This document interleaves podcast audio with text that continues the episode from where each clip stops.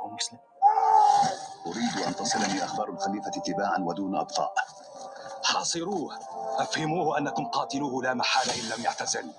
ولولا محمد لجعلهم دين جدك إسرائيل خولا في حظائرنا لم يسبق أن اعتزل خليفة أمر المسلمين.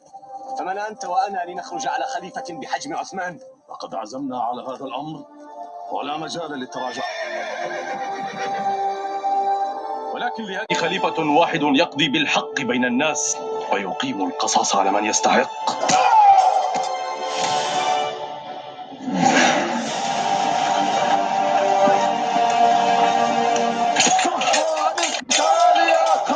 كيف شب القتال أيها الزبير إنا نبصر ولا نبصر.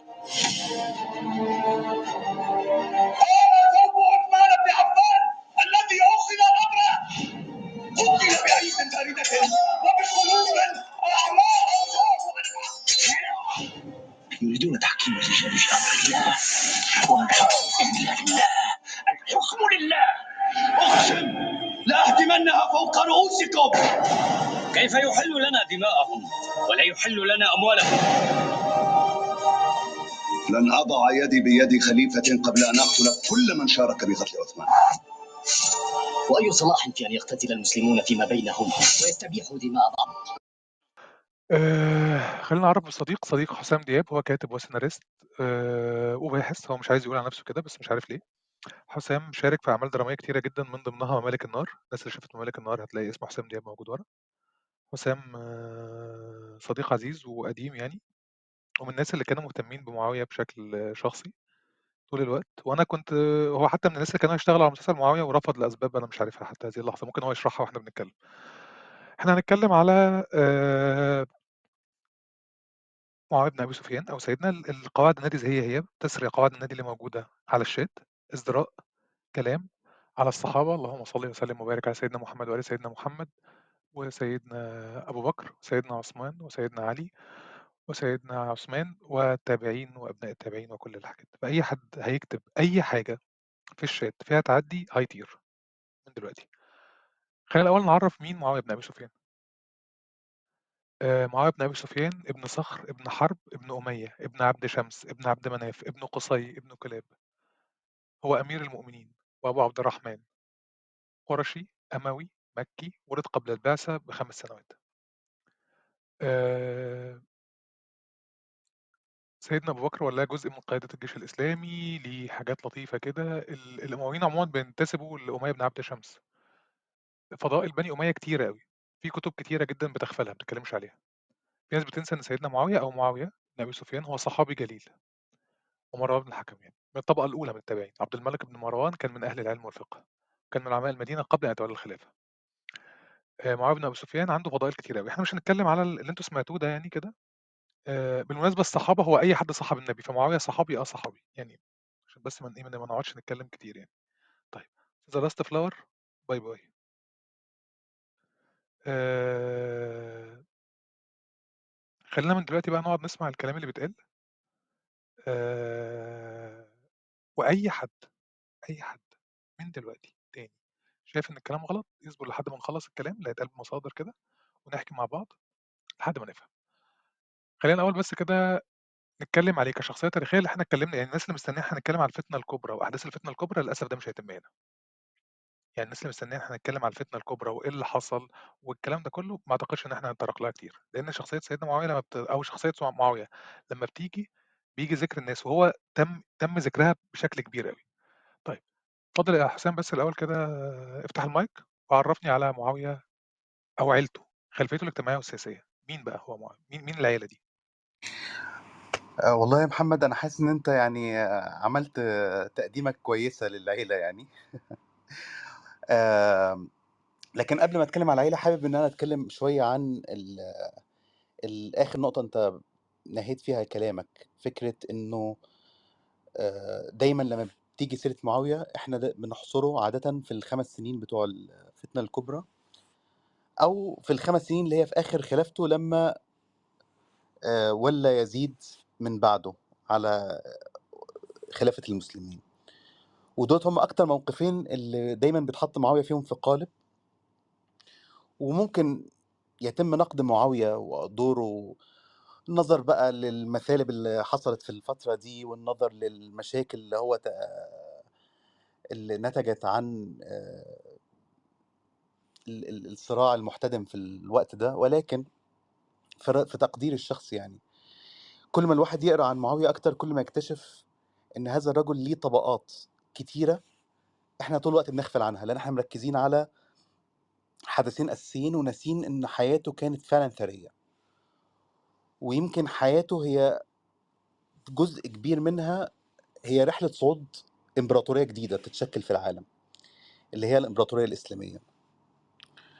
وبالتالي إحنا ما نقدرش نتكلم عن معاوية من زاوية الصحابي ونغفل الجانب السياسي. وما نقدرش برضه نتكلم عن الجانب السياسي من غير ما نتكلم عن دوره كصحابي لأن هو استخدم آه، صحبته في البروباجندا الدعائية بتاعته ده بشكل قطعي برضه يعني. هو أول واحد قال أنا خالي المؤمنين وأول واحد قدم نفسه إن هو يعني كاتب للوحي في محاولة لتأسيس لشرعية جديدة. آه، فده مهم إن إحنا برضو نبص للموضوع من مختلف الزوايا يعني.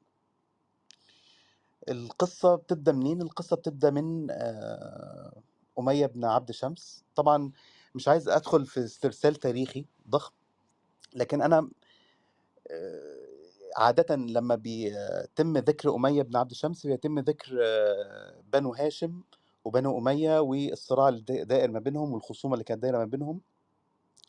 وأنا رأيي الموضوع برضو ما كانش كده قوي لأنه هتلاقي مثلا حرب ابن أمية وعبد المطلب جد النبي صلى الله عليه وسلم كانوا أصدقاء وكانوا ندماء وكانوا أحبة. هتلاقي أبو سفيان آه، صديق لأبو طالب. ففكرة إن هو طول ما الوقت ما بينهم صراع تاريخي خفي آه، جذوره عميقة ده أعتقد رؤية قاصرة جدا على اللي حصل يعني. آه، وه- وهنتكلم عن ده أكتر في لما نيجي ل- لسيرة حروب الردة يعني. فأنا يهمني من أمية اتنين من ولاده. أعتقد إن هما الاتنين دولت كان ليهم دور كبير في تشكيل تاريخ السياسي الإسلامي لحد دلوقتي. ببساطة لأنه الاتنين دولت أحفادهم من أحفادهم يعني 14 خليفة مسلم. أولهم هو أبو العاص. أبو العاص آه، ده أكبر أبناء آه، أمية. وكان مشهود له بالشجاعة ومات يوم ما- موقعة الفيل في مواجهة أبرهة الحبشي. وبالتالي الإنساب ليه كان نوع من أنواع الشرف يعني. من أشهر أولاد أبو العاص عفان ابن أبي العاص وعفان ابن عثمان. فبالتالي أبو العاص حفيده هو يبقى ثالث خليفة آه، مسلم. وكمان أبو العاص من أولاده الحكم اللي هو طريد رسول الله اللي طردوا النبي من المدينة. ومن أولاد الحكم جه مروان ومن مروان بقى جه بقية الخلفاء الأمويين. وعندك حرب حرب ده برضو شخصية ثرية جدا يعني. حرب ينسب ليه إن هو أول من أدخل الكتابة العربية إلى مكة. يعني قبله المكيين ما كانوش يعرفوا الكتابة بشكلها المنضبط. فهو أول واحد حسب بعض المصادر اللي بتذكر ده دخل الكتابة العربية. وبالتالي كان هدفه في النهاية طبعا مش بس هدف آه، علمي وبتاع لكن هدفه الأساسي هو هدف تجاري يعني تسجيل ال- المديونيات والرحلات ومين عليه فلوس إيه ومين عليه كام فبالتالي أقبل آه، كبراء قريش وتجارها على تعلم الكتابة منه. ويقال إن هو تعلم الكتابة العربية من أهل الحيرة وأخد منهم الأبجدية العربية وكتبها كتبها في في مكة. فحرب آه، أنجب صخر صخر ده اللي هو يبقى مين؟ أبو سفيان. وأبو سفيان برضو واحد من كبارات آه، قريش وسادتها وراجل كان دايما بيوصف إن هو يعني آه، بالتعبير ال- البلدي العامي إن هو جبلة. آه، شديد التحمل للسخرية اللي كانت موجهة عليه نتيجة ضخامة جسده لأنه جسده ما كانش متناسق يعني ما كانش جسد فارس كان يعني جسد أقرب بي- بيوصفوه يعني إن هو يعني راجل آه، عنده كرش وضخم ومش عارف إيه وما بيقدرش يركب الخيل. فده كان من من المسبات أو النقائص اللي كانت بتدين الرجل في العصر ده إنه ما يبقاش يعني فارس على الخيل أو يجيد فنون القتال. لكنه كان يجيد فن أهم من القتال في رايي أبو سفيان اللي هو فن السياسة. هو كان رجل سياسي جدا. وقريش بطبيعتها قبيلة من نشأتها هي قبيلة سياسية. لأن بطونها كبيرة متشعبة بطونها آه، تجارية. فبالتالي أي قرار لازم ياخدوه بطون هذه القبيلة لازم يجتمعوا مع بعض ولازم يتناقشوا مع بعض. عشان كده تسمع عن حتى قبل الإسلام في حلف الفضول ودار الندوة ومش عارف إيه والكلام ده. فهو إيه كان عنده قدرة رهيبة على فن الإقناع وكمان فهم مصالح اللي قدامه والتلاعب بالمصالح دي أو أو اللعب على وتر مصلحه الشخص اللي قدامه. وبعقلية التاجر هو عايز يكسب وعايز اللي حواليه يكسب يعني. معاو... آه، أبو سفيان كان ليه آه، تجارته الراسخة للشام. أكتر حتى من يعني يعني ال- ال- التجار كانوا نوعين في أو أو التجار كانوا بيهاجروا بيعملوا تجارتين يعني تجارة لليمن معروفة وتجارة للشام. هو ما كانش بيركز على تجارة اليمن وكان دا- دايما مركز على الشام يعني. وكان ليه علاقات وطيدة مع الروم وحتى بعض المصادر العربية بتذكر إنه وصل لمرحلة إنه كان آه، نديم آه، والي آه، هرقل في القدس. وفي بعض المصادر بتذكر إن هو قابل هرقل الروم أصلا. فكان آه، تجارته واسعة وكان آه، غني ومع غناه ده كان بخيل جدا. كان شديد البخل. وأعتقد إنه معاوية فتح عينه على البيئة دي. بيئة ال- الأب الغائب دائما في رحلات آه، تجارية طول الوقت وفي نفس الوقت ما عندوش عاطفة كبيرة ناحية أولاده. هو ما كانش محظوظ بابوه وأمه وأمه الناحية التانية هند بنت عتبة. أعتقد هند برضو يعني نقدر نتك... نطيل في الكلام عنها يعني ممكن نطيل في الكلام عنها ولو إنه الكلام عنها مكرور بعض الشيء. هند بنت عتبة ما ليها وقعة معروفة طبعا قبل الإسلام إن هي زوجها السابق دمها. وبعد نعم. كده عفى عنها. أنا كان المفروض إن هو كانت من النساء اللي كان تم اهدار دمهم يوم فتح مكة لكن النبي صلى الله عليه وسلم أصفح عنها يعني. لما كانت صحيح يوم فتح مكة. صحيح. وق- وقبل كده حتى قبل إسلامها قبل زواجها حتى من أبو سفيان كان زوجها اتهمها بالزنا وتم إثبات براءتها بعد كده واتجوزت أبو سفيان. ومع ذلك ده طب ما بص فات آه. آه ده هياخدني لسؤال مهم جدا. أنت عارف الناس لما بيتكلموا على سيدنا معاوية أو على معاوية بيقول لك سب يزيد ولا تزيد وهم بيخلطوا بين يزيد أخو معاوية يزيد الخير يعني يزيد الخير وبين يزيد ابن معاوية. فأنت هنا بس وأنت بتتكلم على على علاقته بأمه هند وعلى علاقته ب... ب... بالأب. ممكن تتكلم على أخوه لأن يمكن ناس كتير جدا ما يعرفوش مين أخوه. ناس كتير ما تعرفش مين أخوه. وده مهم جدا عشان نعرف البيئة كانت عاملة إزاي. آه هو أبو سفيان كان بحكم بحكم حتى العادة ال- ال- في الزمن ده كان مزواج وكثير الزواج. وب- وبالتالي كان عنده أولاد احتار المؤرخين في حصرهم. لكن اللي قدروا يحصروهم حوالي 15 تقريبا لو أنا ما خدتنيش الذاكرة ولد وبنت. منهم طبعا آه، عتبة ابن أبي سفيان المشهور اللي هو يعني كان من في جيش معاوية وأصبح ولي على مصر. ومنهم آه، عنبسة ابن أبي سفيان اللي هو أصبح واحد من كبار رواه الحديث في مكة. ومنهم آه، عمرو اللي هو كان أحب أبناء آه، أبو سفيان إليه وقتل في بدر. ومنهم يزيد. يزيد بن أبي سفيان ده واحد من أكتر الشخصيات المميزة آه، مش في التاريخ الإسلامي لكن كمان في التاريخ العربي يعني. لأن هو من صغره وهو معروف عنه الشجاعة والنبل والحكمة والتعقل. وفي صفة يعني نادرة جدا اللي هي الإنصاف يعني هو حتى كان ينصف خصومه يعني. ف وت- وتخيل إنه كبار قريش اللي عدوا السبعين والثمانين من عمرهم ممكن يستمعوا بإجلال وتقدير لشاب مثلا عمره 20 سنة زي يزيد. فده يبين لك قد إيه كان الفتى قوي الشخصية وقوي الشكيمة وعارف يتكلم وعارف يدافع عن وجهة نظره بموضوعية يعني. فهو بطبيعته يزيد عنده الكاريزما اللي تخلي الناس تنجذب إليه. وطبعا أكتر واحد انجذب إليه هو معاوية أخوه الصغير. هو أخوه من الأب مش من الأم. مش شقيق يعني. وأم يزيد يزيد نفسها كانت اسمها زينب أم الحكم. وبرضه هي صحابية بالمناسبة وصحابية جليلة و... وليها العقل والرجاحة وهي من قبيلة كنا... كنانة المشهورة فيزيد آه، تأثر معاوية بيزيد أعتقد هو اللي شكل مسار معاوية السياسي والتاريخي ويمكن اللي غير حتى آه، تاريخ العالم الإسلامي وتاريخ المنطقة كلها. لأنه لولا يزيد ما كانش معاوية هيتحرك لفتح الشام ولولا يزيد ما كانش معاوية هياخد الثقة في نفسه إنه يكبر ويترقى في المناصب ويبقى واثق في مهاراته الإدارية والعسكرية والسياسية. لأن إحنا برضو معاوية لازم نبص له كشخصية يعني. قبل آه، الإسلام كانت مختلفة جدا عن الشخصية اللي إحنا نعرفها دلوقتي يعني.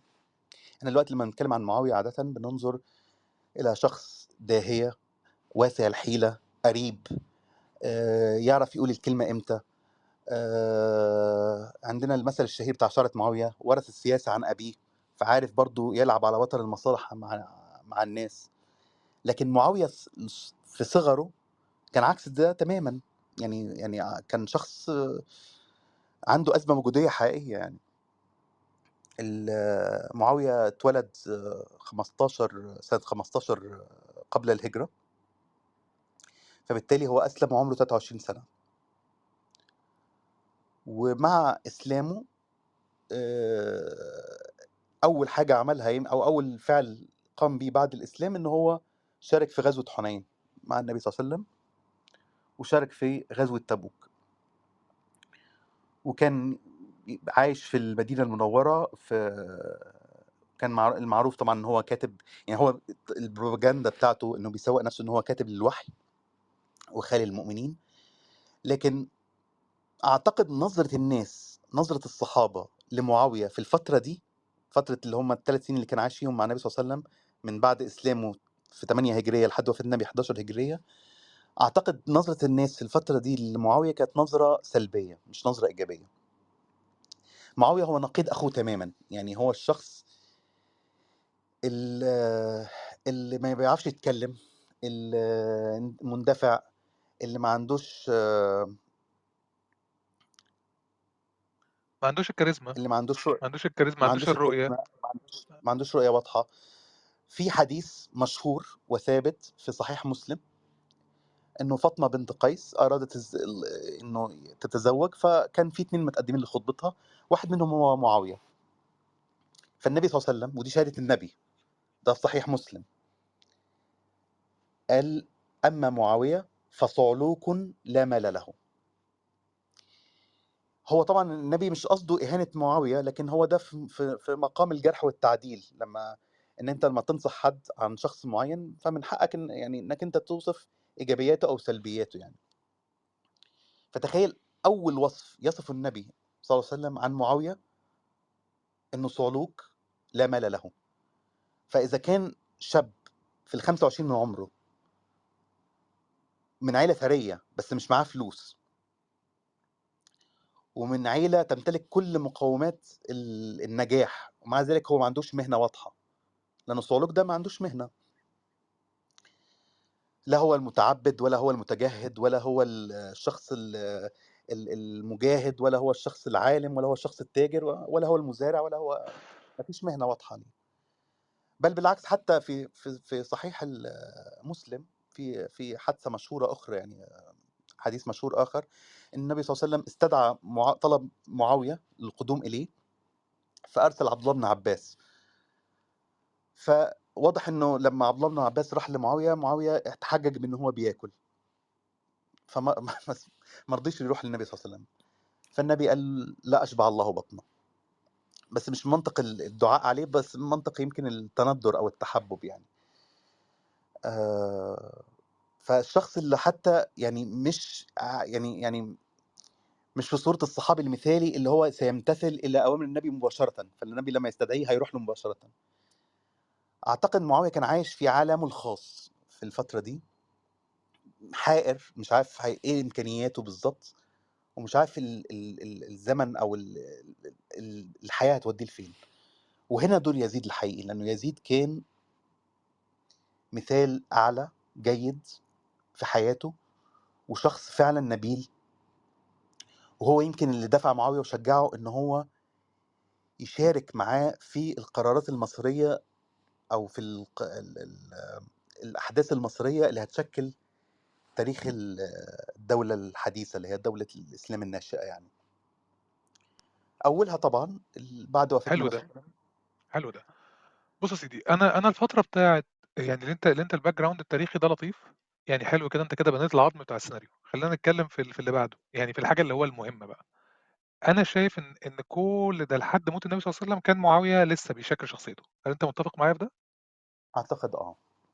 طيب، التغيُّر الحقيقي بتاعه بقى، حروب الردة. هي دي اللي أعتقد هي دي اللي خلقت معاوية بن أبي سفيان اللي إحنا بنتفرّج عليه، اللي إحنا بنتكلم عليه. أعتقد الكلام هناك هيبقى أفضل شوية. طيب، هو ال معا يعني طبعًا حرب الردة هي نقدر نسميها هي الحرب الأهلية الإسلامية الأولى. وهي حرب مصيرية يعني، وأنا مه مهم أحكي عنها أو أعدّي عليها سريعًا، بس من منطلق الناس كتير مش بتبُص له يعني.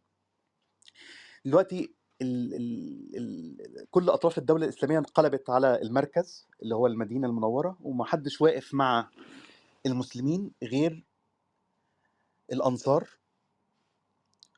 والمهاجرين طبعًا، بالإضافة إلى قريش وثقيف في الطائف. وال3 دُولة لا يُستهان بيهم، يعني قوة ال3 مع بعض قوة ضاربة لا يُستهان بيها. قدرت في خلال سنتين تستعيد السيطرة على أطراف الدولة الإسلامية وتحكم آآ قبضتها من جديد، وتنشأ الدولة الإسلامية الوليدة يعني. لكن تعالوا نفكّر مع بعض في إنه لو ماذا لو كان أئمة قريش أو سادات قريش أو كب كبار قريش رفضوا إنّهم يشاركوا المهاجرين والأنصار في حرب الردة. يعني أعتقد إنه دولة الإسلام كانت هتنهار بلا شك يعني. وده من هنا أعتقد مركزية فضل قريش نشأت من اللحظة ال القرار المصيري ده. قرار إن قريش هتُقف مع الدين الجديد رغم إن كان عندها القابلية إنّها تضرب ال المهاجرين والأنصار. يعني هي لو كانت قريش انضمت لبقية العرب في التمرُّد على المدينة المنوّرة، لكان المدينة المنوّرة انتهت خلاص بكل اللي فيها. لكن سادات قريش بما فيهم أبو سفيان بالمناسبة، أخدوا قرار إن هم الإسلام بقى جزء لا يتجزأ من قريش، وقريش جزء لا يتجزأ من الإسلام. وهنا الان في رأيي الشخصي يعني، ده تحليلي أنا، بدأ الاندماج ال الحقيقي ما بين الاتنين. وبالتالي أنت هتشوف إنه أغلب الناس اللي ماتت في حروب الردة أو استشهدت في حروب الردة، هم كانوا بين قوسين من الطلقاء، اللي لسه م أسلموا في 8 هجرية، يعني قريش قدّمت أولادها حرفيًا فداءً لل إيمانهم ومعتقدهم الديني الجديد. يعني أثبتوا ولائهم بالدم حقيقةً يعني. معاوية كان فين في الزخم ده؟ معاوية شارك في أهم معركة حصلت في حرب الردة اللي هي معركة اليمامة وشارك فيها من منظور الجندي يعني ما كانش قائد وما كانش مشهور وما عملش حاجة عظيمة ولا حاجة خطيرة ولكن حرب الردة يعني حرب خلينا بس أوضح حاجة خلينا أوضح حاجتين بس كده أول حاجة اللي إحنا بنعمله ده ده بيتم قبل أي سيناريو في العالم عشان خاطر تكتب سيناريو لشخصية تاريخية فاللي بيحصل ده هو عبارة عن تجميع مصادر وقراءة تاريخية وسرد للسي- للسيا- للسياسة أو للدماغ أو لتحليل شخصية معاوية بن أبي سفيان. ده لا كلام ديني ولا الكلام اللي هو حتى حسام هيقوله بعد كده ده كلام ليه علاقة بإن مثلا دي قراءات. فالشخص ال- اللي شايف إن في حاجات دينية إحنا ما بنقولش أي حاجة ليها علاقة بالدين خالص. يعني لا هنتكلم على فضل سيدنا معاوية ولا هنتكلم عن الحاجات دي كلها إلا في ذكر الأحاديث اللي هو يذكرها اللي هي موجودة في صحيح البخاري ومسلم. أدي واحد. اتنين. في أحداث تاريخية وفي قراءة. الأحداث التاريخية اللي بيقولها حسام هيقولها بشكل تاريخي الحاجات اللي فيها قراءة هيقولها. الكلام ده كله بيساعد بعد كده. ممكن في الآخر حسام تبقى تقول شوية حاجات ليها علاقة إزاي أنتوا إز- إزاي يعني بتجمع المصادر دي إزاي؟ إزاي بتكون القراءة دي؟ بس بعد ما تخلص. أنا آسف. كمل. لا ولا يهمك. ال- كنت بقول إنه معركة اليمامة كانت معركة شرسة جدا وأنت لما تشارك في معركة بمنظور الجندي يعني شرسة زي اليمامة قتل فيها يعني قرابة في مصادر بتقول 4000 مسلم قتلوا في معركة واحدة يعني. ده رقم ضخم معايير وقتها يعني. فلما تشوف رفاق المعركة حواليك بيموتوا بالطريقة دي بيسقطوا قتلى بال- بالطريقة دي في شيء ما ممكن يتكون جواك. في شيء ما ممكن يتغير جواك. أعتقد مشاركة معاوية في اليمامة كانت مشاركة محورية يعني لنفسيته يعني مش إنه نفسيته بدأت تتغير بشكل جذري أو نظرته بدأت تتغير بشكل جذري. وواحد من أبطال اليمامة أو من قادة اليمامة اللي هو يزيد بن أبي سفيان تمت مكافئته بعد المعركه مباشرة بانه يقود واحد من الجيوش المتجهة إلى فتح الشام. وهنا كان ال- ال- القرار المركزي النابع من آه، نفسية أب- أبو بكر الصديق بأنه العرب لازم يتوحدوا والعرب مش هيتوحدوا إلا تحت مشروع واحد اللي هو مشروع الجهاد. طول ما العرب هيفضلوا ساكنين في قبائلهم ومضاربهم ومرابعهم هيفضل طول الوقت الصراع السياسي دائر ما بينهم. فالحل عشان توحد العرب تحت راية الدين الجديد إنك أنت آه، ترفع مشروع الجهاد و واللي هو بالمناسبة مشروع بدأ من عصر النبي صلى الله عليه وسلم يعني يعني من عصر النبي صلى الله عليه وسلم في واضح إنه رغبة في التوسع في شمالا يعني. لكن الحسم الحروب الردة بهذا الشكل الدراماتيكي والقضاء على كل الخصوم دفعة واحدة يعني أعطى دفعة للقيادة المركزية في المدينة إنه كل المسلمين يتجهوا شمالا العراق والشام. واحد من الجيوش الكبرى اللي اتجهت إلى الشام كان يقودها يزيد بن أبي سفيان ومعاوية بالمناسبة كان واحد من الجند العاديين خالص في جيش أخوه. آه وفي بعض المصادر قالت إنه أبو بكر الصديق حجز معاوية عنده في المدينة ورفض إنه يخرجه مع يزيد ابن أبي سفيان. وده رغبة منه في إنه ما يبقاش في نوع من ال- صلات القربة اللي ممكن تأثر على القرارات العسكرية والإدارية لاحقا يعني.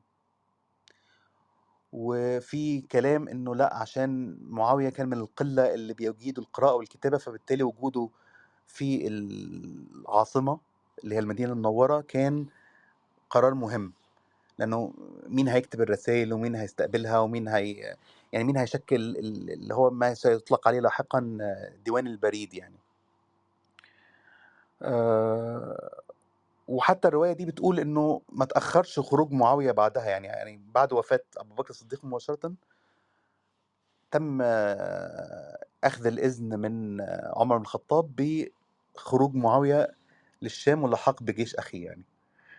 وطبعا فتوحات معاوية في الشام أو مشاركة معاوية في فتوحات الشام برضو غيرت. هنا بقى بدأنا نشوف تغير ضخم في شخصية معاوية يعني. يعني معاوية كلف بمهام كبيرة وأعتقد إن هو أداها بنجاح وشارك في معارك ضخمة من أشهرها معركة اليرموك وبعد كده طلب منه انه يقود جيش صغير قوامه كان صغير ويفتح مدينة كانت مستعصية على المسلمين اسمها قيسارية قيسارية دي في فلسطين حاليا. آه، ونجح بالفعل إن هو ياخدها من الروم. آه، لكن أعتقد بدأ يحصل حاجة بعد قيصرية ونجاحه فيها خلت نظرته برضو تتغير بشكل مختلف للعالم. إن هو لاحظ إنه أغلب المدن البحرية اللي كان المسلمين بيستولوا عليها في الشام ياخدوها المسلمين من هنا يجوا الروم بعدها بفترة من خلال جيوشهم البحرية أو اساطيلهم البحرية وياخدوا المدن دي مرة تانية. ده هنروح له بعدين بس ده ده ده دي, دي لقطة مهمة ده ملمح مهم جدا. أوكي. قصدي إن هو كون أسطول ف طيب. أنا ده, ده, ده مهم اللقطة اللي أنت بتقولها دي مهمة يعني لقطة مهمة جدا. أيوه. كمل. ف نقدر نقول إنه ال- ال- آه، معاوية كان بدأت حتى أصداء انتصاراته تصل إلى المدينة المنورة إلى عمر الخطاب يعني. وكان معاوية يمكن عكس بقية القادة المسلمين ما فيش خلاف بينه وبين جنوده. يعني جنوده كانوا بيحترموه وبيحبوه فعلا. وهو كان ناجح في إنه يكسب محبة جن- الجنود التابعين له بسهولة. ومعاويه بالمناسبة في الفترة دي ما كانش الشخص البدين العملاق اللي هيتحول عليه في وقت ما كان خليفة يعني. لكنه ما زال محتفظ بجسم الفارس الرشيق اللي يقدر برضه يحارب ويشارك في الحروب بنفسه يعني. بتحصل هنا حادثة ضخمة في العالم الإسلامي بتغير برضو مجرى الأحداث وكأنه كأننا فعلا بنشوف يعني آه، سيناريو يعني سن- سيناريو رباني يعني اللي هو طاعون عمواس. طيب طاعون عمواس ده قتل Game of كل Thrones الق... والله والله Game of Thrones والله العظيم كلام فاضي أقسم بالله بالنسبة للتاريخ الإسلامي. والله Game of Thrones فاكر لما حرقت حلقات ال- حلقات يوسف أنا كام حلقة؟ حرقت له كام حلقة؟ حرقت له 100 حلقة. محدش يحرق محدش محدش يلعب اللعبة دي معايا والله. أنا آه حرقت له كام حلقة حرقت له كام حلقة بس أنا حرقت له 10 حلقات. هو بس الفكرة الناس اللي بيبصوا على التاريخ الإسلامي محدش فيهم بياخد باله إن التاريخ مليان حاجات مؤثرة جدا. يعني هو جدا بالظبط طاعون ع- طا- الطاعون فعلا كمية القادة اللي وقعوا فيه كانوا مرعبين. مرعبين طبعا مرعبين. طبعا. يعني طبعا أول واحد أول قائد وأخطر قائد وقع هو أبو عبيدة عمرو بن الجراح وده برضو مهم إن إحنا نتكلم عنه بشكل سريع جدا.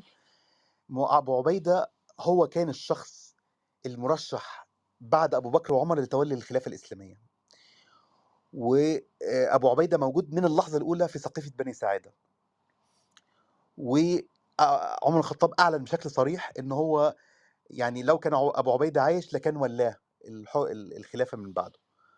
لأنه واضح إن كان في آه، يعني تراتبية معينة تم الاتفاق عليها يعني في في السقيفة وأبو عبيدة ما كانش مجرد قائد للجيوش لكنه كان ينوب عن الخليفة في كل القرارات الإدارية المتعلقة بالشام. يعني هو كان القائد الأعلى للجيوش في الشام والعراق.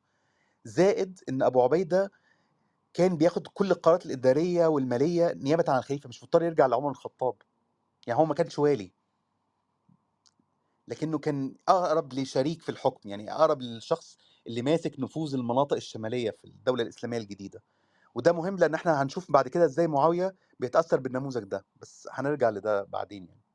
فطبعا عمواس بياخد يعني بيقتل عدد كبير من من المسلمين أهمهم أبو عبيدة فبيجي بعد أبو عبيدة بتتوزع سلطة أبو عبيدة بين عدد من القادة المسلمين.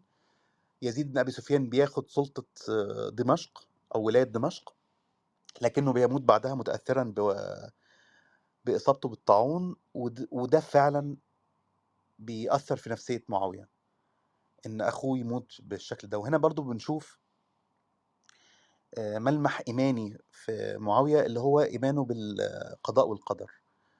آه، طبعا معاوية آه عنده العقلية البراجماتيه وكل حاجة لكن برضه ما ننساش إن هو عنده خلفية إيمانية صلبة لحد ك... لحد كبير يعني. والناس أحيانا ما تقدرش تفهم التناقض ده. إزاي واحد يبقى براجماتي وفي نفس الوقت آه، عنده نزعة إيمانية قوية. بت... بتوجد يعني أنت عارف إحنا البشر عندنا طول الوقت التناقضات دي في ح- في حياتنا يعني في نفسياتنا. ما عندناش حد التصنيف الخير يعني والشر. في ناس مختلفة جدا في ناس مختلفة جدا في ناس بيقعدوا يتكلموا على حاجات يعني بيبقى مؤمن جدا جدا بالله وبيعص وبيعصيه وبيستغفر وبيكمل حياته وبيلعب سي يعني دي حاجات عادية. هو بس إحنا اللي بنعمله ده يا جماعة ده سرد. هو يمكن الناس يمكن ناس كتير هنا أول مرة يسمعوا الكلام ده ده مش تحليل ده تحليل سي يعني يعني أقل من من القراءة حتى إحنا اللي بنعمله ده سرد يعني إحنا ده دي دي دردشة يمكن في ناس كتير يمكن أيوه لسه بيسمعوا في حد بعد بيقول لي هو في يزيد غير يزيد بتاع بتاع ابن معاوية يعني واضح إن إحنا بس في مكان بعيد شوية فالناس ال اللي عندها معلومات أعمق ممكن يعني يستأذنوا أو اللي عندهم أسئلة أنا حاططها على link ال Telegram اللي فوق دي آآ link الأسئلة للناس اللي حابة وبعد كده ننزّل المصادر اللي إحنا رميناها. كمّل يا حسام. طيب فإحنا بن وصلنا لمرحلة إنه يعني وفاة يزيد بن أبي سفيان، رجوع معاوية إلى دمشق، بيصدر قرار من المدينة المنوّرة بتعيين معاوية كوالي على دمشق، وهنا فعلًا بنشوف أول ملمح إداري مهم في شخصية معاوية، هو محاولة التعامل مع وباء ضخم زي الطاعون. في دولة لسه جديدة، أنا ب باشدد على النقطة دي كذا مرّة، لإن هو الناس دايمًا بتتعامل مع الدولة الإسلامية أو مع الخلافة الإسلامية باعتبار إن هي فكرة حالمة مثالية، وده وده حقيقي يعني أكيد كل دولة عظ ع أو إمبراطورية عظمى اتأسست في وراها فكرة مثالية حالمة وم وما ورائية يعني. ولكن أي دولة برضه محتاجة إلى جهاز إداري قوي، جهاز مالي قوي، جهاز عسكري قوي، وده ما كانش متوفر بال بال بالقوة دي في ال في الدولة الناشئة، لأنه ال الكوادر نفسها ما كانتش موجودة. وأعتقد كان معاوية مستوعب لده من الأول. فمعاوية لجأ مباشرةً إلى سياسة كده واضحة إن إحنا كلنا واحد أمام هذا الوباء، ما فيش حاجة اسمها مواطن رومي ومواطن عربي وغير مسلم ومواطن مسلم، إحنا كلنا واحد، فبالتالي أي حد يقدر يقدم مساعدة يقدم مساعدة. فهو أُحيط في الفترة دي ببعض المستشارين من ال بين قوسين في المصادر بيُذكروا باسم النصارى، نصارى الروم، أشهرهم طبعًا الطبيب اللي هو عُرف بعد ذلك بابن أثال النصراني. واللي أشاروا عليه إنه في حالة ال مواجهة الطاعون عادةً الناس بتترك المدن، لأنه البقاء في المدن بازدحامها وتكدسها هينش هينشر الطاعون بشكل أكبر يعني. لكن الذهاب إلى آآ ريف دمشق حيث الم المروج يعني والجبال والتلال، ممكن يحصل نوع من أنواع التباعد اللي تخلّي الطاعون يخف انتشاره أو تخف وطأته يعني. وفي نفس الوقت قال لك ما ال ال ال الدفن مش لازم يتم بالشريعة الإسلامية، لكن ممكن يحصل نوع من أنواع الدفن الجماعي، فهو أخد بدأ ياخد قرارات جريئة من غير حتى الرجوع للمدينة المنوّرة في السعي منه إلى إيقاف انتشار الوباء. وبينجح بالفعل في ذلك. يعني أعتقد دمشق كانت من الأسرع من أسرع المدن تعافيًا في الشام من الطاعون ده. ويمكن هنا بدأ أنظار عمر الخطاب حقيقةً تتجه إلى إمكانية هذا الشاب الواعي ده. إنه هذا الشاب مش مجرد ده كان يعني غريب كمان لإن لإن عمر بن الخطاب كان بيغيّر الخلفاء في أغلب المدن ما عدا معاوية، معاوية قعد فترة طويلة، فترة معاوية طويلة بالضبط، جدًا. بالضبط. لكن أنا هنا باتكلم حتى عن بداية تعيين معاوية، اختيار معاوية للتع إنه يثبِّت معاوية خلاص بشكل بشكل كامل على آآ دمشق يعني. كانت بدأت من اللحظة دي، يعني بدأ يتوقف على النظر إلى معاوية إن هو الأخ الأصغر ليزيد، فبالتالي خلّينا نشوف هيعمل إيه، إلى إنه لأ، هذا الشاب يمتلك إمكانيات ومقومات أكبر من اللي حواليه، قادر يشوف صورة أعمق من اللي حواليه. وده اللي محتاجيه لأي جهاز إداري لد لأي دولة يعني. الشخص اللي يقدر يرسم سياسات كبيرة، يقدر يشوف الصورة من واسع، وبالتالي معاوية تعهّد لعمر الخطاب بكذا حاجة. أول حاجة إنه سيحفظ هذا الثغر، ال ال ال ال ال ولاية الشام تسمى ثغر، ثغر يعني إيه؟ يعني ولاية حدودها مفتوحة مع العدو، اللي هم الروم في الحالة دي. فهي حدودها مش واضحة، طول الوقت في صراع. أحيانًا الروم بيحتلوا بعض المدن، وأحيانًا المسلمين بيحتلوا بعض المدن. في اشتباك دائم. فكون إنه يقول له أنا هاحفظ حدود هذا هذا الثغر، وحَط خط معيّن كده إنه الروم لن ينزلوا تحته، اللي هو خط يعني مش هينزلوا تحت الجزيرة الفراتية. فبالتالي حَط هدف استراتيجي معيّن إنه هيمنع الروم أو هيحجز الروم الهجوم على الشام. طيب. 2 إنه هو سيظل متعهد في دفع خراج معيّن إلى المدينة المنوّرة. يعني هو مش هيتحجج بإن هو في حرب مفتوحة مع الروم فيقلل الخراج مثلًا، لكن هيفضل مواظب على إرسال الخراج كما هو لعمر بن الخطاب من غير ما يكون في بأس على أهل الشام، يعني من غير ما يزعج أهل الشام أو يضايقهم. ورقم 3 تعهد ببناء جيش قوي متماسك يكون مثال لبقية الجيوش الإسلامية في الولايات الأخرى. دي ال ال ال ال نقدر نقول إيه؟ نقدر نقول إن هي ال- الخطة الاستراتيجية بتاعت معاوية يعني أو الأهداف الاستراتيجية بتاعت معاوية. وبالتالي ال- أو أو الم- المفاجئ إن هو معاوية قدر يحقق ده فعلا. يعني رغم صعوبة تحقيق ده إنه قدر يكسب محبة أهل الشام واحترامهم بس في نفس الوقت قدر ياخد الخراج منهم المطلوب إنه يسلموا للمدينة المنورة في نفس الوقت قدر ياخد مصادر الأموال اللي تساعده على بناء الجيش اللي محتاج ليه. وبدأ حتى يأسس نظام جندية معين أقرب لنظام الجندية الرومي أو الروماني في الفترة دي لأن هو كان متأثر جدا بيهم. فهو كان هم هو كان بيشوف هم سموه بيعملوا إيه. كسرى سموه كسرى المسلمين معاويه صح؟ سمى كسرى المسلمين. هو أول واحد أط... هو طبعا أطلق عليه كسرى المسلمين إيه، تشنيعا ليه تمام مش مدحا ليه آه لكن هو نقدر نقول إن هو كان بشكل ما عنده حب أو إعجاب خلينا نسميها عنده إعجاب بالدولة البيزنطية من كونها كدولة. إن هي ليها جيش منظم ليها إدارة واضحة ليها ماليات واضحة. فبالتالي هو كان حريص على إنه يستقطب المواهب. يعني هو كان بيقول للروم اللي عايزين يسيبوا الروم اللي كانوا مقيمين في الشام وعايزين يسيبوها ويطلعوا لفوق. أنتوا هتروحوا فوق تعملوا إيه؟ يعني أنتوا لما تروحوا البيزنطة هتعملوا إيه؟ أنتوا خليكوا هنا تاخدوا مرتباتكم زي ما أنتوا ونتعلم منكم حرفكم وبالتالي نستفيد من خبراتكم. فهو كان حريص على الاستفادة من كل خبرة متاحة أمامه. ما كانش بيقول لأ لأي علم دنيوي ممكن يفيد أو يحسن الدولة الو- الوليدة. وبالتالي هو كان هنروح له مميز. أكتر أعتقد ده هنروح له أكتر في ال... في ال... في الحديث عن عن تكوينه للدوله اللي هو اللي كونها بعد كده. المهم ما هو هو دلوقتي فضل مع عايز سيدنا أقول عمر لك عايز أقول لك هو شخص قعد خ- 20 سنة والي و20 سنة آه، خليفة. أنا في رأيي ال 20 سنة كوالي دي غير منفصله عن 20 سنة كخليفة. هو في النهاية أعطيت ليه صلاحيات أكبر من حجمه بكتير. هنشوف ده لاحقا. يعني هو إحنا لو رجعنا لو حابب نرجع لورا هو لا هو أنا كان عندي سؤال أنا عندي سؤال وده سؤال أعتقد تأسيس يعني. وأنا يمكن عارف يعني محتاج إن أنت ت- ت- تجاوبني عليه. ليه معاوية فضل في المدينة أصلا؟ ليه معاوية أصلا من الأول خالص؟ آه. م- آه. هو يعني المفروض إنه معاويه كان حسب بين قوسين يعني من الطلقاء لأنه آمن بعد الفتح ومع ذلك في استغراب إنه ليه كان ما هو موجود في المدينة المنورة مع النبي صلى الله عليه وسلم بس ده تفسيره بسيط جدا. و- ومش محتاج يعني رغم إن الناس كتير بتغفله يعني إن هو أبو سفيان أبوه أسلم قبل الفتح بيوم واحد وبالتالي أبو سفيان لا تطلق عليه صفة الطلقاء لكن صفة المهاجرين. سلام عليك سفيان سلام عليك سلام عليك في الديتيلز بص يعني والله العظيم قهوة بحليب الله العظيم قهوة. شوف أنا أنا قاعد مستني من اللقطة دي. أيوه كمل.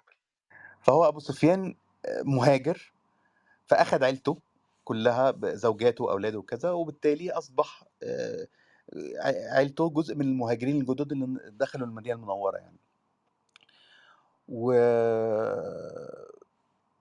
برضو أعتقد أبو أعتقد معاوية برضو ما كانش عنده هذا الحب أو هذا العشق ال- أو الغرام أو الفتان بمكة يعني. إحساس طول الوقت إن مكة شهدت نزواته وصباه ومراهقته وما كانتش مراهقته أسعد مراهقة في الدنيا فبالتالي كان عايز هو يتجاوزها هو هو هو بيهرب من ال... استنى كده يعني ماضي. البس العباية هو الشخصية القديمة مقابل الشخصية الجديدة فالشخصية القديمة بأماكنها بال... بالحاجات اللي فيها ب... ب... بال... يعني زي مثلا كده لما حد يسيب زي صديقنا اللي ساب مصر الجديدة ومش عايز يرجع لها فهو كاره مصر الجديدة كاره المنطقة كاره الدنيا كاره الشوارع. المنطقة دي بتفكره بالشخص القديم الشخص القديم ده مختلف تماما عن الشخص الجديد اللي هو عنده القوة والسطوة صحيح والنفوذ. المهم صحيح. هو في في السنين دي قدر إن هو ي... ي... ي- يعمل في الشام. كل التأثيرات اللي يعمل أنت بتتكلم عليها دي يعمل في الشام آه دولة ح- يعني بمعايير ال- الدول وقتها. اللي هو مثلا مثلا أبسط مثال عشان نوضح للناس بتكلم في إيه. نظام زي نظام الجندية في الوقت ده. طبعا وقتها كانت الدولة الإسلامية كل ما تحتاج لمقاتلين بتعلن باب الجهاد فالقبائل بت بتتحرك تمام حسب الاحتياج يعني. هو كان شايف إنه ده مش هينفع. في مواجهة مفتوحة مع مع الروم مستمرة طول الوقت. فبدأ يأسس لنظام إنه كل ما ياخد حصن هيحط س- سرية عليه. والسرية دي ما ينفعش تقعد طول السنة لأن ممكن يظهر منهم خاين. مع طول الاحتكاك مع الروم ممكن يطلع خاين منهم فيغدر بيهم.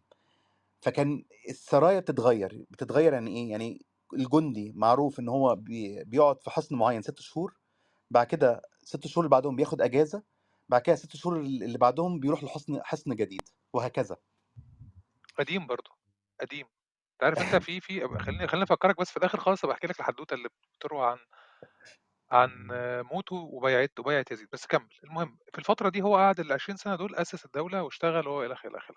آه طبعا أنا آه، مش هروح يهم- آه. يهمني إن أنا أتكلم بس عن إنه حتى رغم إنه هو كان عنده شوية تجاوزات مالية معينة يعني بنى قصر فخم جدا وكان بيلبس آه، أشياء فخ... يعني أشياء كان ممكن لو والي تاني عملها كان مع عمر الخطاب يعزله لكن هو ما عزلش معاوية. كان ممكن يأدبه يهينه قدام الناس أو يقلل من كرامته ولكن ما كانش بيعزله. لأن هو في النهاية عارف إن معاوية صعب إنه يتكرر يعني صعب إنه يلاقي شخص من الحاشية اللي حواليه تلعب الدور اللي بيلعبه معاوية. لكن كان عارف يحجمه. دي نقطة مهمة جدا لازم يعني أصلا دايما إحنا بنتكلم إنه عثمان بن عفان آه، صدق على وجود معاوية زي ما عمل عمر الخطاب لأ عثمان بن عفان وسع من صلاحيات معاوية. ده لازم نستوعب الفرق ده. لأنه لما جه عثمان بن عفان بعد وفاة عمر الخطاب كان كل ما يموت والي من ولاة الشام يعني كل ما مثلا مات والي فلسطين فيضم فلسطين إلى أعمال معاوية بن أبي سفيان يموت والي حمص يضم حمص إلى أعمال معاوية بن أبي سفيان. يموت والي الجزيرة فيضم الجزيرة إلى أعمال معاوية بن أبي سفيان. آه، والي أرمينيا يموت فيضم أرمينيا إلى أعمال معاوية بن أبي سفيان. فبالتالي توسعت ولاية الشام نفسها كلمة الشام ما بقتش دمشق واللي حواليها لا دي بقت الشام الك- الكبرى بالمعنى اللي إحنا نعرفه دلوقتي يعني. فهو م- عثمان عفان اعطاله رقعة كبيرة قوي من الأراضي وصلاحيات واسعة جدا وقدرة على اتخاذ كافة الإجراءات دون الرجوع إلى المركز. وهنا معاوية لأول مرة يتحول فعلا إلى ما ما كان عليه أبو عبيدة عامر بن الجراح في حياة عمر الخطاب. نائب عن الخليفة في الشام مش مجرد والي. دي دي نقطة جوهرية جدا يعني. يعني يعني كل السياسات الم... يعني حتى ما بقاش في رقابة مالية كمان ضخمة على معاويه بن أبي سفيان. هو ملتزم بخراج معين بيسدده إلى المدينة بيزيد كل سنة بم... بمعدل معين وخلاص على كده. غير ذلك هو ليه ح- حرية تصرف كما يشاء بدون الرجوع للخليفة.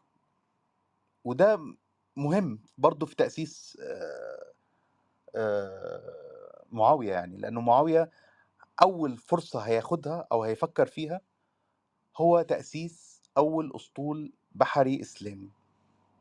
وده كان قرار في رأيي من القرارات اللي دايما إحنا بنقولها إنه معاوية أسس أول أسطول وبنتكررها بس من غير ما نفهم أو قصدي آسف غير ما نستوعب ال- ال- ال- الصعوبات والتحديات اللي بتواجه النقطة دي. أنت بتبني أسطول من أشخاص ما يعرفوش يعني إيه أساطيل أصلا ما ركبوش البحر قبل ما كده عندكش ما ما ركبوش البحر ما عندكش الصيانة ما عندكش الصناعة ما عندكش المهنة ما عندك نجارين وعندك خشب بس. وحتى ال... ال... أنت برضو أنت ما ينفعش معاك أي نوع من أنواع النجارين أنت محتاج سفان السفان اللي هو الشخص اللي بيعرف يبني سفن. طيب أنا أنا هجيب السفان ده منين؟ هعمل ورشة السفن إزاي؟ هجيب الأخشاب إزاي؟ طيب عملت كل ده وبدأت أصنع سفن تساوي آه، أو أو أستقطب السفانين اللي هم الروم وأخليهم يبنوا لي سفن رومية تشبه السفن أو سفن على الطراز الرومي يعني تشبه طراز السفن البيزنطية. حلو. عندي تحدي أكبر اللي هو تدريب الجنود بتوعي على القتال البحري على السباحة أبسط شيء لو يعني مثلا لو جندي وقع في المية لازم لازم يعرف يسبح لازم يعرف يقاتل لازم يعرف ينط من سفينة لسفينة لازم يعرف يحر يعني يت- يتحكم في السفينة الشراع والساريه والحاجات دي كلها. فأنت محتاج تعلم كل الناس دي في وقت ضئيل جدا وسريع جدا لأنه أنت بتواجه اللي هم الروم أكبر إمبراطورية بحرية في العصر ده. أنت بتواجه أكبر امبرا- إمبراطورية بحرية في العصر ده. إمبراطورية عمالة تستعيد بالتدريج أراضيها عن طريق البحر.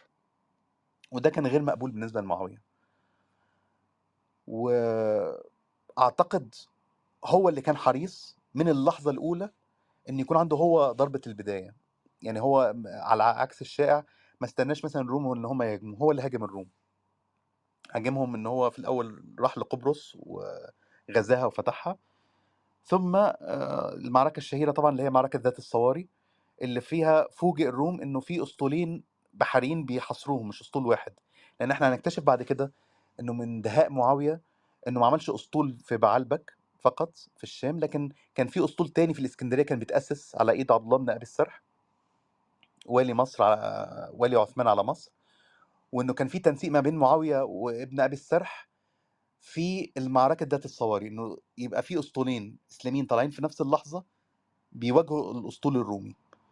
وكان مهم وكان عايز يعمل ده إنه يكسر ال- الأسطول الرومي مش مجرد يلحق بالهزيمة. عشان ما تقومش لل- للروم قائمة مرة تانية في البحر. يعني هو كان حريص على تحويل البحر المتوسط من بحيرة رومية إلى بحيرة إسلامية. وأعتقد هو نجح في ده. فبالتالي هو مهد بسهولة فتح إفريقيا بعد كده. لأنه أنت صعب إنك أنت تفتح إفريقيا لحد ما توصل للمغرب العربي من غير ما أنت تكون البحر عندك متأمن. ف ده كان برضو ذكاء استراتيجي من معاوية بن أبي سفيان وبالتالي هو تحول إلى واحد من أهم رجال عثمان واللي بيثق في رأيهم وبيشورهم وبيستعين بيهم. وكان يعني دايما في اجتماع سنوي ما بين معاوية وما بين عثمان في المدينة المنورة. بيبقى حريص ال- العادي إن المفروض ان الاجتماع ده إنه الخليفة يحاسب الوالي لكن هو اللي بيحصل في الاجتماع ده عاده إن الوالي هو اللي بيشور على الخليفة. بيشور عليه في سياسات معينة في قرارات معينة في آراء معينة وبالتالي ده معناه إنه عثمان يحب الاستماع إلى معاوية يحب راي معاوية.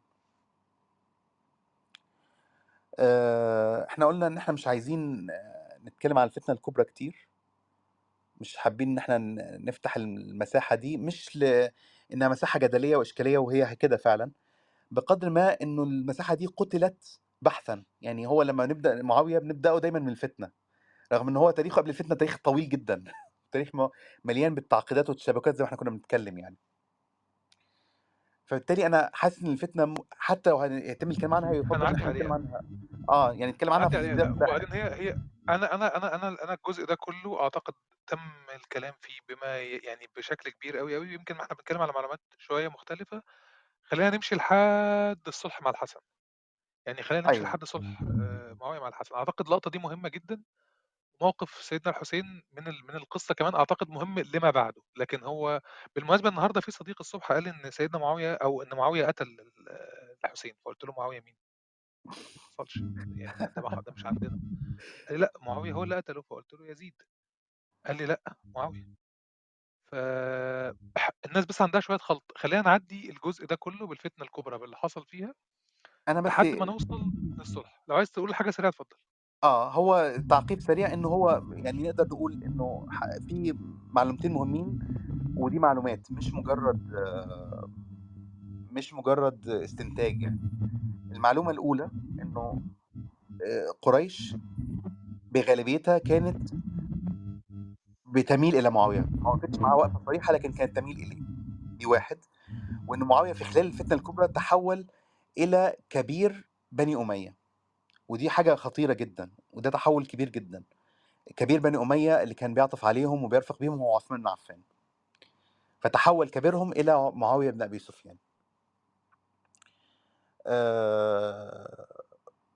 وصلح معاوية صلح برضو آه، ثواني بس عشان خاطر في سؤال مهم جدا عايز أجاوب عليه. في حد سأل هو خرج على علي بن أبي طالب عليه السلام ليه ولما بيع ومعه حكمه؟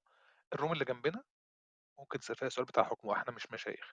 تاني حاجة هو خرج ليه أو ما بايعهوش ليه؟ السبب المعلن إن هو كان عايز يسلمه كل قتلة آه، سيدنا عثمان. ممكن يا جماعة على فكرة في مليون حاجة بتتكلم على الفتنة الكبرى.